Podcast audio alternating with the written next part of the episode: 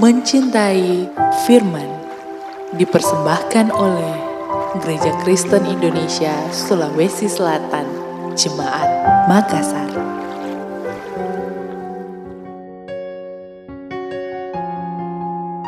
Sobat Kristi yang mencintai firman Tuhan, Shalom. Hari ini kita akan merenungkan satu tema secara singkat, yaitu Allah yang berdaulat. Mari kita membuka firman Tuhan dalam Mazmur 115 ayat 3. Dengarkanlah. Mazmur 115 ayat 3. Allah kita di sorga, ia melakukan apa yang dikehendakinya. Saudara yang dikasih Tuhan, kata berdolat itu artinya mempunyai kekuatan tertinggi atas suatu pemerintahan, suatu negara atau suatu daerah. Jadi kata berdolat jika dipakai kepada Allah dan dalam teologia kekristenan kata berdolat itu adalah atribut Allah. Jadi Allah yang berdolat itu berarti adalah Allah yang mempunyai kuasa di atas segala Allah. Tanda kutip Allah kecil Allah yang berdolak itu berarti dia yang menentukan segala sesuatu yang ada di langit, di bumi, dan di surga. Mazmur 115 ayat 3 yang sudah kita baca. Allah kita di surga, ia melakukan apa yang dikehendakinya. Jadi segala sesuatu ada di dalam kekuasaannya. Oleh karena itu, keyakinan kita bahwa Allah kita adalah Allah yang berdolak atas segala hal, harusnya mempengaruhi iman kita, kepercayaan kita kepadanya. Sobat Kristi yang mencintai firman Tuhan, kita hidup di zaman yang sangat tidak pasti pada saat ini, baik secara lokal maupun secara global. Ada banyak ketidakstabilan politik, ekonomi, penyakit, keadaan perang, bencana alam, dan yang sedang melanda di seluruh dunia saat ini yaitu Covid. Oleh karena itu, kita sebagai manusia yang hidup di tengah-tengah ketidaknyamanan ini, ketidakstabilan ini, kita mudah menjadi muram dan merasa tidak aman pada saat-saat seperti ini. Namun firman Tuhan mengingatkan kita, sebagai orang Kristen harapan kita yang utama bukanlah terletak pada situasi, kondisi yang ada, tetapi pada pencipta semesta alam yang berdaulat. Kebenaran Allah bahwa Allah berdaulat harus menjadi penghiburan, harusnya menjadi iman daripada setiap orang yang percaya. Karena dengan demikian akan memberikan kekuatan bagi kita. Marilah kita melihat empat hal yang dinyatakan Alkitab tentang kedaulatan Allah. Satu, karena Allah berdolat, itu berarti Dia dapat melakukan segala yang diinginkannya dan mencapai semua tujuannya. Tidak ada yang bisa menghentikan Dia melakukan kehendaknya. Mazmur 115 ayat 3 menyatakan dengan jelas, Allah kami di sorga, Dia melakukan semua yang disukainya. Itu berarti segala apa yang ingin Allah lakukan, Ia lakukan. Allah sendiri berbicara dalam Yesaya 46 ayat 10 firman-Nya, "Rencanaku akan tetap teguh dan aku akan menyelesaikan semua kehendakku."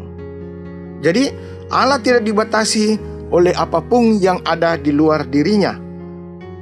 Juga tidak ada yang dapat menggagalkan kehendaknya, rencananya, baik itu dosa manusia, pemberontakan, atau kurangnya iman atau bahkan rancangan iblis tidak dapat mengubah rencana Allah. Allah kita melakukan apa yang Dia inginkan dan akan selalu mewujudkan tujuannya karena hanya Dialah Allah. Yang kedua, Allah yang berdolat itu berarti Allah yang mengendalikan urusan dunia ini. Ia berkata dalam Daniel 2 ayat 21, Dialah yang mengubah waktu dan masa, Dia yang memecah dan mengangkat raja, Dialah yang memberi hikmah kepada orang-orang bijak dan akal budi kepada orang yang dikasihinya. Sobat Kristi yang mencintai firman Tuhan, Tidak ada sesuatu pun di dunia ini yang terjadi secara kebetulan. Oleh sebab itu, Allah tidak ingin kita bergantung pada kemampuan kita sendiri untuk hidup secara mandiri tanpa Dia. Dia adalah penguasa dunia ini. Dia sungguh, sungguh berdaulat. Dia berkuasa atas perubahan musim. Dia membakingkan raja, presiden, juga menyelawasi kejatuhan mereka. Allah membuat semuanya terjadi sesuai dengan kedaulatannya. Oleh karena itu sebagai anak-anak Tuhan, apa pun yang akan terjadi atas diri kita yang menimpa dunia ini, semua di bawah kedaulatan Allah. Marilah kita beriman kepadanya. Yang ketiga yang kita dapat lihat, karena Allah itu berdaulat, itu berarti ia yang memilih umatnya dari dirinya untuk dirinya sendiri sebelum dunia dijadikan. Efesus pasal 1 ayat 4 bahwa ia telah memilih kita sebelum dunia dijadikan. Ini berarti ia yang menetapkan kita dari semula untuk menjadi anak-anaknya. Ini berarti dia yang menetapkan dari semula supaya kita diselamatkan melalui Kristus Yesus. Dalam Efesus 1 ayat 5, Allah yang berdaulat itu memilih kita. Kita bisa diselamatkan dengan karya dari kematian Kristus di kayu salib, kebangkitannya mengalahkan kuasa maut. Itulah sehingga setiap orang yang dipilihnya di dalam Kristus Yesus juga akan diselamatkan. Dan ini adalah anugerah. Artinya anugerah yaitu cuma-cuma, pemberian cuma-cuma.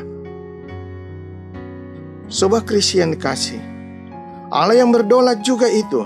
Yang keempat, berarti adalah Allah yang tetap memegang kendali bahkan dalam menghadapi kejahatan, penderitaan, ketidakadilan, semuanya ada di bawah kontrol dan pengendaliannya.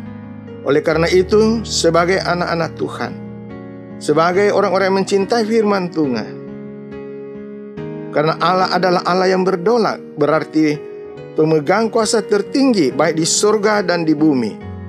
Maka dari itu marilah kita menyerahkan segala kekhawatiran kita, pergumulan kita kepadanya, karena ia akan bertindak menjaga engkau, memelihara engkau, mencukupkan kebutuhanmu, dan terutama dia adalah Allah yang berdolak, yang memberi kehidupan kekal, dan juga kematian kekal di neraka. Kehidupan kekal di sorga diberikan kepada mereka yang menaruh percaya, yang beriman kepadanya. Tetapi yang tidak percaya dan tidak beriman, kematian kekal di neraka. Allah yang berdolat, dialah yang memegang kekuasaan dan kedaulatan. Amin. Marilah kita renungkan, kalau kita belum percaya pada Yesus yang sudah dinubuatkan, yang sudah disampaikan kepada kita melalui firman-Nya, marilah kita percaya kepadanya. Karena Allah berdolat yang memberi hidup dan kematian. Berbahagialah orang yang percaya kepadanya. Amin. Mari kita berdoa. Tuhan Yesus, bantulah setiap para pendengar agar menaruh percaya kepadamu dengan sungguh-sungguh karena Engkau adalah Allah yang berdola. Itu berarti Allah yang mengatur segala langkah kehidupan kami, baik yang di bumi maupun di surga. Kalau selama ini kami kurang yakin, biar Engkau teguhkan iman setiap para pendengar. Engkau memberkati para pendengar yang mencintai firman-Mu. Dalam nama Tuhan Yesus. Amin. Mencintai firman dipersembahkan oleh Gereja Kristen Indonesia Sulawesi Selatan, Jemaat Makassar.